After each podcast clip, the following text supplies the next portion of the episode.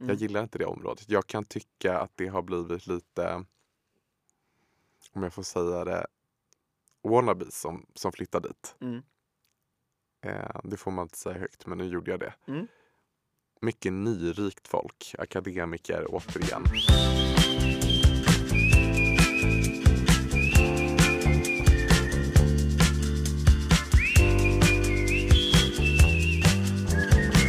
Välkomna allesammans till podcasten Visning pågår med mig Magnus Detmar. Detta är en podcast för dig som ska köpa, sälja, förvalta eller förmedla en bostad. Idag har jag äran att sitta här med Jimmy Bennett från Erik Olsson. Hej Magnus! Hej, hur är läget med dig? Det är jättebra tack. Hur Ja. mår du? Jag mår jättebra också. Väldigt kul att ha dig här i studion. Ja men detsamma. Kul att jag blev tillfrågad. Ja, absolut. Eh, och jag måste fråga, kommer du direkt från jobbet? Jag kommer direkt mellan möten. Direkt Ska mellan iväg här möten? till en visning här alldeles strax. Så det är full fart. Full fart, ja men det är härligt precis så här innan jul. Ehm, men vad härligt, kan inte du berätta lite, vem är du? Absolut. Mitt namn är Jimmy Bennett. Jag är 27 år gammal. Jag har jobbat som mäklare nu i fyra och ett halvt år. Och jag är ju då verksam främst i Stockholm innerstad. Jag skulle säga att jag säljer mest Vasastan, Kungsholmen. Men jag är inte heller områdesbegränsad just för att jag jobbar mycket på rekommendation. Vilket jag tycker är väldigt bra med Erik Olsson, att man får sälja överallt. Annars kan du inte följa kunden om det är så att en kund flyttar från Vasastan till Bromma till exempel. Det är en som mäklare man vill bli en så kallad minmäklare. För då kan du sälja deras bostäder livet ut. Mm. Och det märker jag redan nu efter så kort tid att man får återkommande kunder. Så det är någonting jag värdesätter väldigt mycket på den byrån jag jobbar på. Härligt. Och eh, hur länge har du jobbat som mäklare? Fyra och ett halvt år har jag jobbat nu. Fyra och ett halvt år, okej. Och det har varit Erik Olsson hela tiden? Yes. Jag Var- började där sommaren 2017. Sommaren 2017, okej. Så då har du varit med om både när de nya eh, amorteringskraven implementerades? Yes, Okej. det kan man lugnt säga. okej. Jag började väl när det var som allra värst. Jag fick min registrering i juli månad. I augusti så störtade akten med 15 procent. Oj, okej. Ingenting gick att sälja i princip. Säljarna hade skyhöga förväntningar från 2016-17. Men som köpare ville man göra kap. Ja. Så det var ju supertrögt. Men säljarna hade fortfarande skyhöga förväntningar. Så det var ju sjukt svårt att få ihop affärerna överhuvudtaget. Ja, Och som ny också, hur ska man hantera en sån här marknad? Jag har ju bara sett på de som gick klassen över mig, hur de har sålt på som tusan. Eh, just för att marknaden var betydligt enklare. ja, Och det vi såg efter ett halvår var ju faktiskt att det var 12 mäklare som började samma sommar som jag. Vi var två kvar efter ett halvår. Oh my god, okej. Så det säger ju sig självt ganska Ja. mycket. Absolut. Väldigt, väldigt tufft att glida in i den marknaden. Alltså jag kan tänka mig att om man varit med ett tag så har man ändå sina återkommande kunder. Men du måste fått eh, väldigt många nej där i början. Ja, Mm. och sen när man fick ett ja så var det svårt nog att få ihop det. Ja, Så att det, det var tufft. Mm. Men idag ser man ju det som att det var positivt just för att man fick alla verktyg med sig då. mm, Och det gör ju att det är superenkelt nu i jämförelse. ja, Kommer en marknad som dippar igen, då blir det väldigt svårt för en mäklare som har börjat på dagens marknad att mäkla tror jag. ja. Det är då det rensas på mäklare så att säga. Jag har rensat upp de som egentligen inte skulle vara där. Vilket är positivt i och för sig. Absolut, absolut. Det är alltid lätt att sälja när, när alla vill sälja. Men eh, när det väl dippar då är det, ja, skiljer man, vad säger man, agnarna från vetet. Precis. Ja. Ja, men vad härligt. Eh, men du, eh, du började direkt jobba i Vasastan då. Det är majoriteten av försäljningen är då i Vasastan och en del på Kungsholmen också. Ja, jag skulle säga det just nu. Det varierar väldigt mycket just för att jag jobbar mycket på rekommendation. Mm. Så det kan ju bli allt från Solna till Lidingö till Bromma till eh, Nacka. Mm. You name it. Ja. Vilket jag tycker är väldigt roligt. Ja. Men fokus är ju innerstan skulle jag säga. Ja. Det är väl där jag är mest anlitad. Ja, men superbra. Och det är framförallt då Vasastan vi ska prata om detta, eh, om i detta om, eh, avsnittet. Eh, men absolut, vi kan ta upp de andra grejerna också. Eh, varför valde du just, eh, för ni sitter i Vasastan. Yes. Eh, varför just du, valde du Vasastan och varför valde du just Erik Olsson? Jag eh, valde Erik Olsson just för att vi har karriärsmöjligheter. Man sitter inte bara på en procentsats utan du har också möjlighet att bli egenföretagare. Så att jag jobbar ju som partner sedan tre år tillbaka nu. Så jag har mitt egna bolag. Så man skulle kunna säga att jag konsultar via e- Erik Olsson med Erik Olsson som varumärke. Och det gör ju att man får mer av kakan. Och sen också att du kan lönefördela på ett helt annat sätt. Det var ju skitjobbigt i början när man hade en månad där man sålde hur mycket som helst. Och så får man en fet lön och sen andra månaden säljer man ingenting. Och så får man 3000 i lön. Ja. Eh, så det, det svajar ju väldigt mycket. Men har du ett bolag då kan du ju bygga upp kapital där. Mm. Ja, jag förstår. Och där, då får du starta det bolaget själv och, och så driva det som liksom ett AB vid sidan av då? Ja, ett aktiebolag. Okej. Är det vanligt inom Erik Olsson då att man gör det? Idag har vi nästan bara företagare. Okej. I början när jag började så anställde man väldigt mycket folk. Men idag skulle jag säga att det är mest erfarna mäklare. Mm. Och många kommer till oss just för att vi har den här karriärsvägen. Mm. Eh, och om man ska kolla på varför jag vill jobba i Vasastan. Dels för att jag bodde där. Jag bodde där i sex år, nu bor jag på Kungsholmen. Sen skulle jag säga att jag eh, tycker att det är lite roligare lägenheter. Mm. Eh, idag så kan jag väl känna att det är inte lika roliga människor om jag får vara helt ärlig. Så det är väl det som är nackdelen. Kan du utveckla det? Jag skulle säga att utanför stan har man en tendens att vara lite trevligare. Mm. Eh, det kan låta hårt, men jag upplever att man är mer människa utanför stan generellt. I Vasastan skulle jag säga främst, för det är annorlunda mot Kungsholmen också. Men i Vasastan sitter ju de här akademikerna som många kommer utanför, eh, från, inte från Stockholm överhuvudtaget. Och så kommer man till Stockholm, man har en akademikerutbildning och då tror man sig vara lite bättre. Mm. Och jag tror att man har småstadskomplex. För annars hade man aldrig haft det behovet av att hävda sig på det sättet. Mm. Så vi mäklare ses ju som outbildade nästan. Jaha, okej. Och det är det värsta jag vet. Mm. När folk ser ner på andra människor. Ja. Så att det är väl nackdelen med att jobba i Vasastan. Mm. Nu säger jag inte att alla är så. Nej. Men det är väldigt mycket så skulle jag säga. Absolut. Ja. Det är väldigt intressant att höra. Jag har inte hört det tidigare nämligen. Eh, och som alla lyssnare hör så är inte jag från Stockholm heller. Eh, så jag kanske har det småstadskomplexet också. Men, men jag bara tänker att eh, är det just, du känner det mer i Vasastan än vad det är kanske på Kungsholmen? Absolut. Okej. Kungsholmen har man mer jordnära människor Okej. skulle jag säga. Östermalm är också skillnad. Där är det faktiskt väldigt trevliga människor. Mm. Men jag tror det handlar om att där är man inte nyrik. I Vasastan är man nyrik. Jaha, du tänker så. Okej. Nu är det här ganska vad ska jag säga? Varför du inte har hört det, det är väl för att ingen vågar säga det högt. Jo, men det är väldigt intressant observation och du möter ju säkert väldigt mycket människor när du är ute och träffar och just att mäklaryrket absolut har inte den högsta statusen om man eh, ja, skulle säga att topp tre är jag vet inte, jobb i, i Sverige som så man ser upp till. Eh, absolut. Eh, men sen så när man kollar på de olika mäklarbyråerna så ser man hur otroligt hårt de arbetar, hur mycket tid man lägger ner. Mm. Samtidigt som det är en gedigen utbildning. De flesta har, eller väldigt många har pluggat, ja absolut minst två år, men många har ju pluggat till och med tre år. Mm. Eh, så det är väl mest att mäklarna är de som kommer hem till en eh, och man får visa det man har att gå på, vilket är statistik och sen så dömer de en kanske för man kommer dit med någon fin kostym eller någonting. Jag vet inte. Mm. Men sen skulle jag säga att många tror inte att vi gör så mycket. Nej, nej. Och jag är så sugen på att ta med mig de här akademikerna på praktik Mm. och följa en en vecka.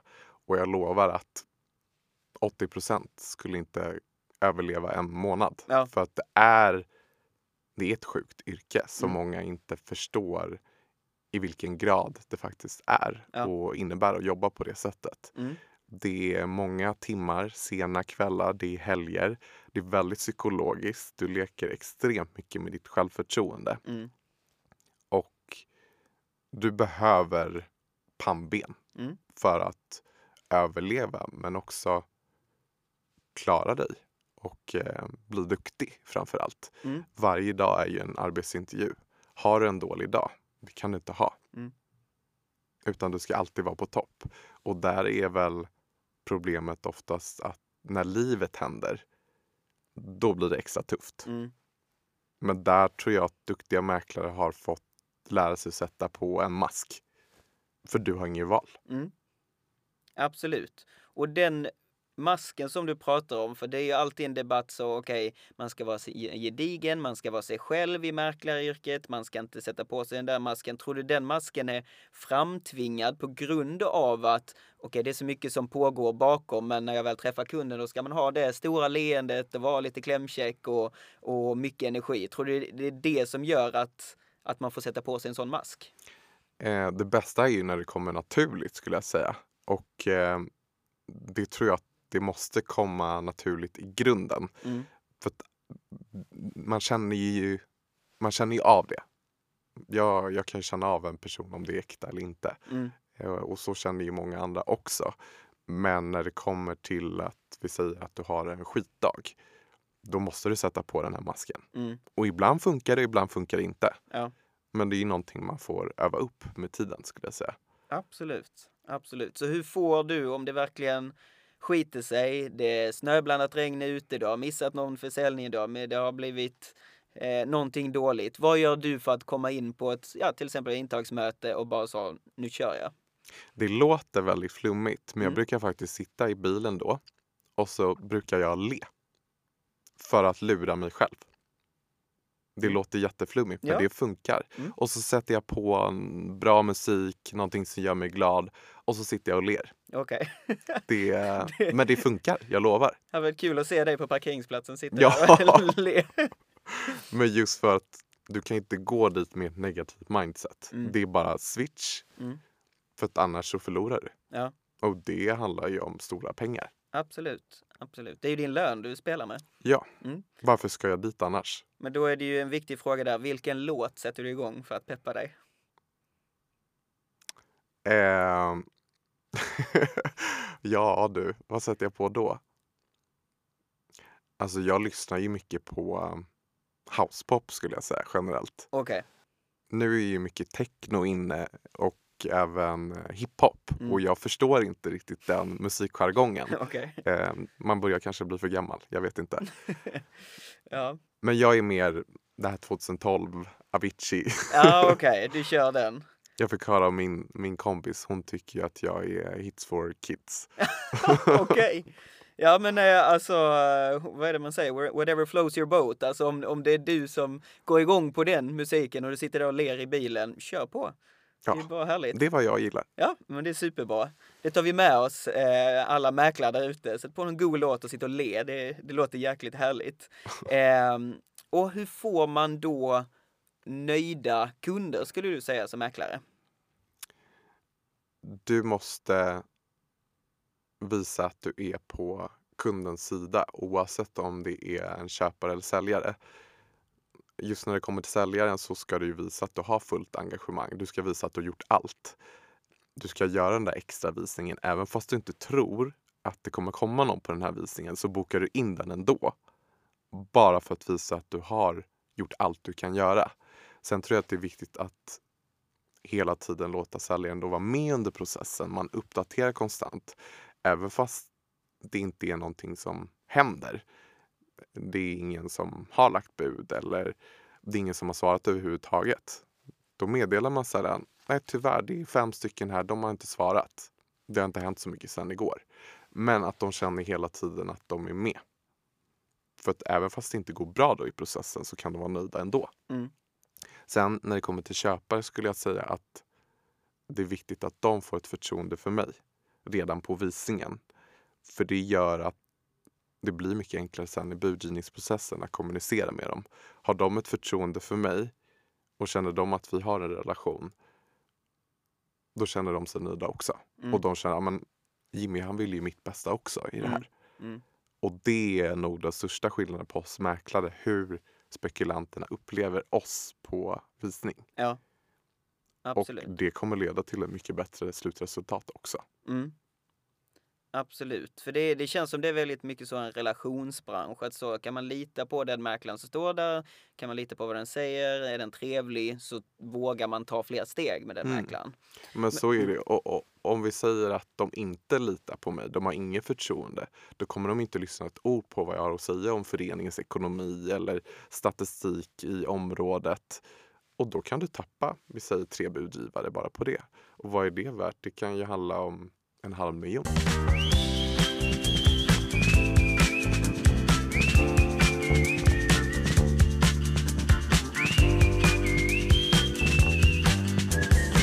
Yes, eh, då hoppar vi vidare till då stadsdelen Vasastan. Eh, vilka delar tycker du i Vasastan är mest och minst heta och Mm. varför?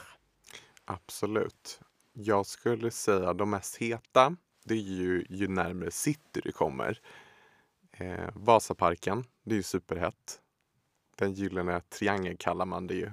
Det här Mm. eh, Sigtunagatan, Gästrikegatan, Hälsingegatan. Ja, Den är väl hetast skulle jag säga. yes. Sen har du ju där mellan Dalagatan ända till, nu ska vi se, vad blir det? Det blir Dalagatan, Upplandsgatan, Västmannagatan från Odengatan mot Norrmalm. Ja, Eh, och sen har du ju de här eh, gatorna mellan Sveavägen, Odengatan, Birger mot Norrmalm. Det skulle jag säga är mest attraktivt. ja. Birkastan också, Birkastan men också. jag gillar inte Birkastan. Nej. Okej, så det är de delarna i alla fall som du ser är, är de mest heta just nu. Eh, och jag kan tänka mig att de har varit det ett tag också, eller hur ser det ut? Ja, det är väl så det har varit genom åren, Mm. skulle jag säga. Absolut. Okej. Eh, Och, sen- varför är de hetast? Är det just byggnaderna eller är det läget? Eller? Jag skulle säga läget främst. Mm. Sen så har ju adresserna, själva adressen låter ju attraktiv. Mm. Och då blir det ju hetare också. Mm. Birkastan skulle jag säga, det är lite off tycker jag personligen. Det har ju bara blivit en hype. Mm. Rörstrandsgatan och alla kaféer och restauranger där. Men jag gillar inte det. Jag Mm. gillar inte det området. Jag kan tycka att det har blivit lite, om jag får säga det, wannabes som, som flyttar dit. Mm. Eh, det får man inte säga högt, men nu gjorde jag det. Mm. Mycket nyrikt folk, akademiker återigen. Mm. Ehm, så ser jag på det. Absolut. Och om vi då säger vilka områden i Vasastan eller gator eh, är minst hetast? Eh, jag skulle säga... Ja, jag tycker ju synd om de som bor på de här adresserna nu. Men eh, Dannemoragatan, Ynglegatan, Roslagsgatan tycker inte jag är så hett. Eh,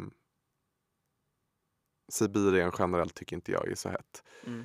Eh, Sveavägen, Birger beroende på vart på Birger såklart. Ja.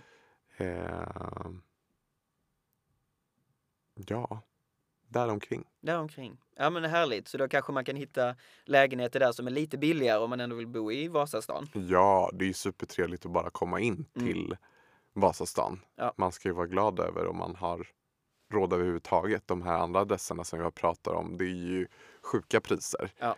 Så ska man flytta in till Vasastan, då kan man inte förvänta sig att man ska flytta dit det första man gör. Nej. Utan det blir ju på någon av de här billigare adresserna. Ja. Billiga och billiga, det är ju svindyrt också. Mm. Men om man ska jämföra. Tror du vi är i en bostadsbubbla? Det här med bostadsbubbla har jag aldrig riktigt förstått själv. Mm. Man har pratat om det sedan eh, 90-talet. Och eh, ja, marknaden är ju sjukt hög nu. Och det är ju frågan hur det här kommer utveckla sig. Det är ju jättemycket som händer i världen överlag. Det skrivs mycket i media att nej men nu håller inte mycket till. Men så fortsätter det ändå uppåt. Mm. Och tyvärr är det ju media sen i slutändan som kommer påverka om marknaden går ner. Det var ju precis så det var 2017. Mm. Media började skriva, nej men nu rasar marknaden. Och då trodde alla på det. Mm. Och då blev folk livrädda. Ja. Sen rasade marknaden. Ja.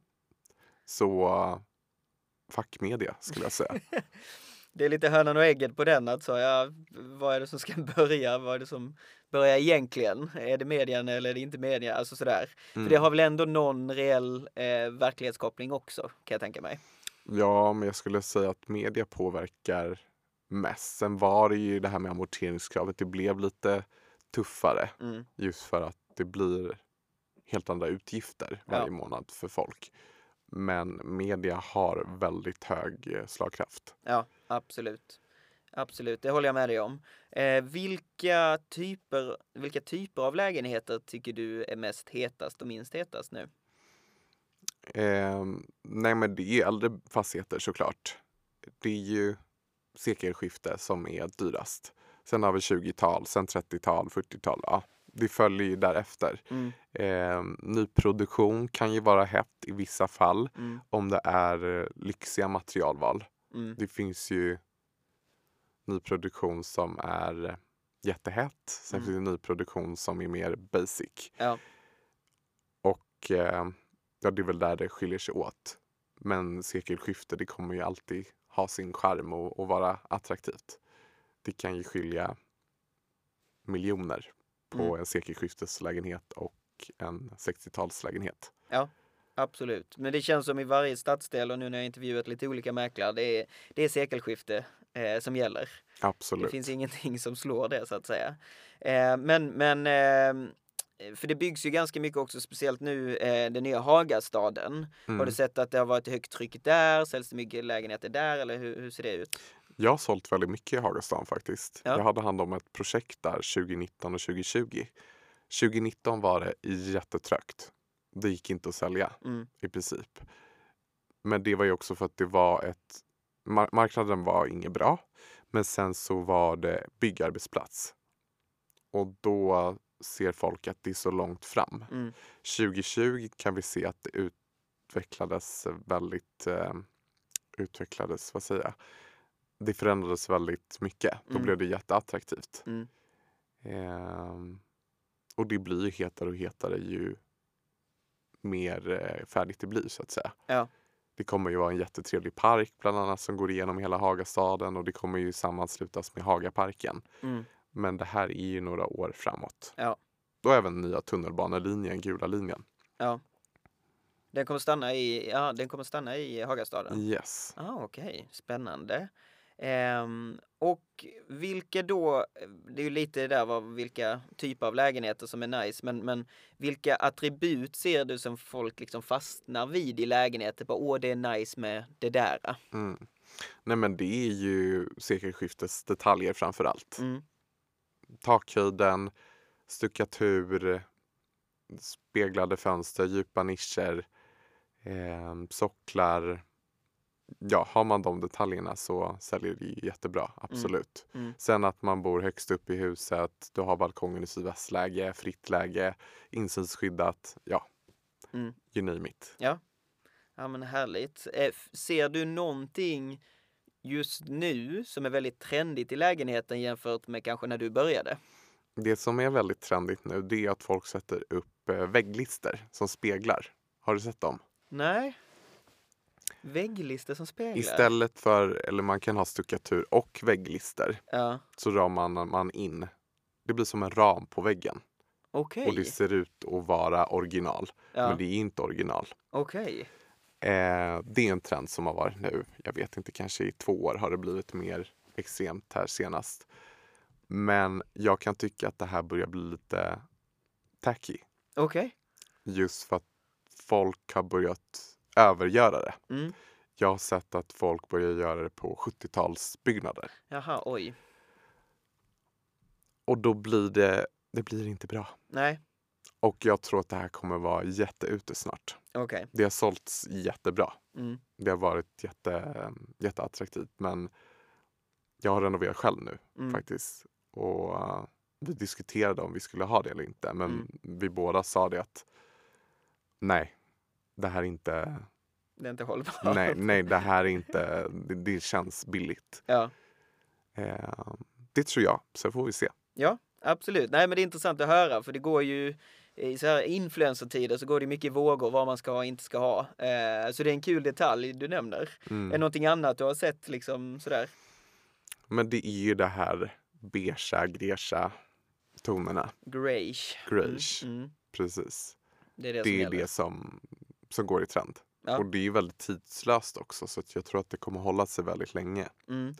För fem år sedan var det mer det här ljusgråa, kalla. Men nu har det gått mer åt det varma. Mer greige. Ja, nej, grayish. Okej, intressant. Och när du då eh, säljer lägenheter eller folk som då som går i säljtankar. Tycker du man ska renovera sin lägenhet inför en försäljning jämfört med att man bara ska flytta därifrån? Eller tycker du det är bättre att bara låta den vara som den är för nästa köpare kommer ändå renovera den? Bara om det är, jag tycker man ska re- renovera om det är småfix. Mm. Det kan vara att man behöver byta knoppar på köket, Mm. köksluckorna. Sprutlackera luckorna med en ljusgrå eller beige färg. Eh, byt blandare. Du kan byta kommod i badrummet, speglar. Enkla förbättringar. Men jag tycker inte man ska göra en helhetsrenovering för ofta så passar inte gemene man i smaken. Mm. Och då kommer det inte generera sen i pris så att säga. Ja, exakt. Så den mödan att gå igenom eh, renoveringen, den är inte värd eh, Nej. priset? Nej. Därför folk kommer ändå vilja ha sin egen prägel. Ja, okej. Om man inte har... Sen finns ju de som köper på spekulation. Mm. Men då ska man ju ha väldigt bra koll på vad som säljer och inte. Mm. Det är ju på detaljnivå. Ja. Så det ska vara en topp, topp renovering då. Mm. Absolut. Men om man då pratar om de som vill spekulera, låt säga att man har några miljoner extra, man vill köpa och sälja en lägenhet bara för att få ut lite vinst. Vad, vad ska man satsa på då? Nu får inte jag tipsa om det här just för att det är ju inte helt lagligt Mm. att jobba på det här sättet om du inte driver en näringsverksamhet. Mm. Men sen gör ju väldigt många det här så Mm. det kan man ju inte sticka under stolen med. Vad var frågan? Vad, eh, alltså om man då vill spekulera i bostäder, bara köpa och sälja eller köpa, renovera och sälja. Vad och vad ska man köpa då? Och vad ska man göra? Ja, nu avslöjar jag mina hemligheter här, hur jag själv tänker. Men eh, jag skulle inte köpa ett renoveringsobjekt. Utan jag skulle snarare köpa någonting som är renoverat vid eh, 2012. Just för att det är ganska nyrenoverat. Det ser fräscht ut. Men folk vill inte ha det tillräckligt mycket för att det är ändå en gammal renovering. Mm. Men många vill inte heller riva det. Mm. Så det är ett objekt som är lite däremellan. Ja, Det skulle jag satsa på snarare. det är de man ska satsa på och då tycker jag man ska ta den och renovera den och sen så sälja den. Ja, Okej. för renoveringsobjekt. Det har ju lite blivit eh, en Stockholms hobby. Mm. Köpa renoveringsobjekt och sälja. Men det gör ju att renoveringsobjekten går väldigt dyrt generellt också. Absolut. Så det är många gånger jag tänker att shit, de kommer aldrig få igen pengarna just för att de har köpt så dyrt. Mm. Och sen ska de renovera upp till en miljon. Ja. Ja, det blev mycket pengar som ska dunkas in i lägenheten. Ja, verkligen. Ja.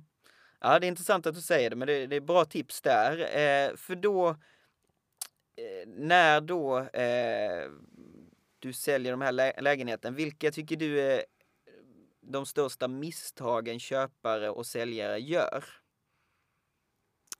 Eh, jag skulle säga att det största misstaget en köpare gör, det är att man är oskön mot mäklaren. Det är mm, nummer ett. Varför ska man vara otrevlig som person? Mm. Jag tycker det är helt sjukt. Eh, nummer två, du får en dålig dialog med mig som mäklare. Jag kommer inte heja på dig i budgivningen och jag kommer inte tala gott om dig till säljaren. Men jag kommer vara fortsatt trevlig såklart Mm. och göra mitt jobb. Ehm, och du ökar risken för att bostaden inte blir din. Mm. Så var skön mot mäklaren. Ja. Vad fan är problemet känner jag. Ja. Jag blir så jävla provocerad. Ja. Jag kan ju lägga på luren och svära Mm. för att jag blir så jävla förbannad. Ja. Men det är en annan historia. Ja. Eh, till säljare, värsta misstaget som säljare det är att man har för höga förväntningar ofta. Mm. Min bostad är mycket bättre än grannens, min är mycket finare, dittan och dattan. Man blir väldigt trångsynt. Mm. Vilket jag tycker är ganska sjukt också som vuxen människa. Att man inte kan se större på saken. Och ja, jag, ty- jag tycker det är väldigt trångsynt. Även fast man har statistik framför dem och säger men det, det är det här som har sålts. Men jag vill ha 500 000 mer, kanske de säger. Men det finns ingenting som pekar på det. Mm. Och eh, då frågar jag alltid det, vad, vad baserar du det här på? Nej, men våren är finare. Och vi, vi behöver ha den här summan om det ska vara värt för oss att sälja. Mm. Men då kan jag välja att tacka nej till uppdrag. Ja. Just för att jag känner att min tid är värd pengar. Ja. Och jag tänker inte jobba gratis. Absolut. Bra sagt. Bra sagt. Och jag kan tänka mig det att alla, alla tänker att just eftersom man bor i sin egen eh, bostad och man har relation till det, när man kä- känner att det är den finaste grejen man har. Eh, och då ska alla andra tycka det också. Medan du som mäklare bara, ja men jag har sett hundra sådana här. Eh, Mm. Du kan inte få en halv miljon mer, så är det bara. Mm. Hur, hur jobbar du då med att eh, förändra då säljarens förväntningar? Jag jobbar mycket med statistik där Mm. och försöker utbilda dem. Mm. Och så säger jag det att jag gör alltid realistiska värderingar. Jag kommer aldrig försköna någonting, jag kommer alltid ha en rak kommunikation. Sen finns det de mäklarna som ger glädjevärderingar bara för att man ska bli glad. Mm. Och många gånger får ju de in uppdragen då istället för mig. Mm. Men de blir inte nöjda i Nej. slutändan. Nej. För mäklaren kan ju inte leverera Mm. det de har lovat. Ja. Det här är mina värsta konkurrenter. Ja. Jag spyr på dem. Okej. Men eh, ja, tyvärr så får de ju bostäderna sålda men kanske till ett pris 500 000 under vad de sa. Ja. Men sen på kundbetyget, ja, då får de ett av fem. Så Ja. jag tror inte det blir så långvarigt. Nej exakt, då kommer man in på den långsiktigheten. Ja, jobbar man bara ett sälj, ett sälj, ett sälj, då kanske det är jättebra taktik. Men du kommer inte vara så långvarig i denna branschen. Eh, för till slut så kommer man träffa den där kunden igen och den har pratat med sju av sina polare. Så eh, då försummar man sitt rykte ganska snabbt kan jag tänka mig. Verkligen. Eh, men eh, om man då eh, kommer in i en budgivning, eh, eller om vi pratar om budgivningar. Tycker du att man ska köpa innan budgivning eller tycker du alltid man ska vara med i en budgivning? Det beror lite på vad det är för objekt. Mm. Är det ett väldigt attraktivt objekt där man vet att oj, här kommer det springa. Mm. Ja, då kan det vara värt att framföra ett förhandsbud. För det upplever många idag att vad fasen, vi hinner inte med i den här budgivningen och allting säljs så snabbt och dut, dut, dut, dut. Och sen också att de upplever att objekten försvinner och det är ju för att någon annan har tagit initiativet Mm. till att köpa innan. Ja. Så absolut, det kan vara värt i många lägen. Okej. Ja, härligt.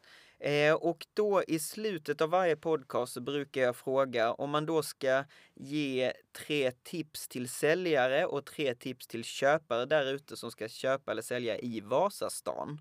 Vilka tips skulle du ge till dem då? Säljare som ska sälja i Vasastan. Mm. Mm. Eh, jag skulle säga jämför med eh, olika mäklare. Tro inte på allt de säger. Du får känna efter. Är det en snackare endast eller är det också en doer? Det är väldigt viktigt. Mm. Många kan ju säga det att Nej, men jag, har, jag har fem spekulanter här i min ficka som jag bara kan trolla fram. Oftast så är det skitsnack. Mm. Mm. Så man får ha lite fingertoppskänsla där skulle jag säga. Eh, välj på magkänslan. Sen skulle jag tipsa om att vara realistisk. Lyssna på mäklaren du har anlitat. För annars ska du inte anlita personen om du inte tror på mäklarens råd. Mm. Som köpare, då skulle jag rekommendera att man läser på om områdena. Det kan ju oftast vara någon som kommer utanför Stockholm. Och så har man ingen koll på om Inglingagatan är mest attraktivt eller Gästrikegatan. Så man kollar bara på generella värdet. eh, kvadratmeterpriset i Vasastan men det skiljer sig extremt mycket åt. Så där måste du gå och djupdyka i det specifika området som du kollar i skulle Mm. jag säga. Mm. Eh, nummer två, återigen var skön mot mäklaren. Eh, nummer tre. Gör research på vilka områden du känner att du vill bo i. Mm. Eh, nu lutade jag mig mest åt första gångsköpare kände jag, men vad ska man säga till någon, någon annan? Vi säger en erfaren köpare som redan bor i Vasastan. Eh, nej, jag kommer inte på något på rak arm. Ja, men då kör vi 2-2 istället då. Ja. Blir superbra det. Eh, tack så jättemycket. Någonting annat du vill nämna innan vi avslutar? Nej, jättetrevlig podd. Jag tror att det här kommer gå jättebra för dig. Ja, Och ambitiöst också att du eh, gör det här under studietiden. Det gör ju att du får mer kött på benen inför när du ska gå ut. Tack så jättemycket och det är verkligen en ära att få ha dig här. Verkligen, jag tackar så mycket för din tid. Eh, Jimmy Bennett, var kan man hitta dig om man vill använda dig som mäklare? Man kan hitta mig på um, antingen vår hemsida, erikolsson.se, eller om man vill svänga förbi kontoret på Sveavägen 147. Jättebra, då rekommenderar vi alla att gå förbi där och ta en kaffe med Jimmy. Tack så jättemycket för den här tiden och tack alla för att ni har lyssnat. Eh, snart kommer ett nytt avsnitt med nya spännande mäklare och nya områden.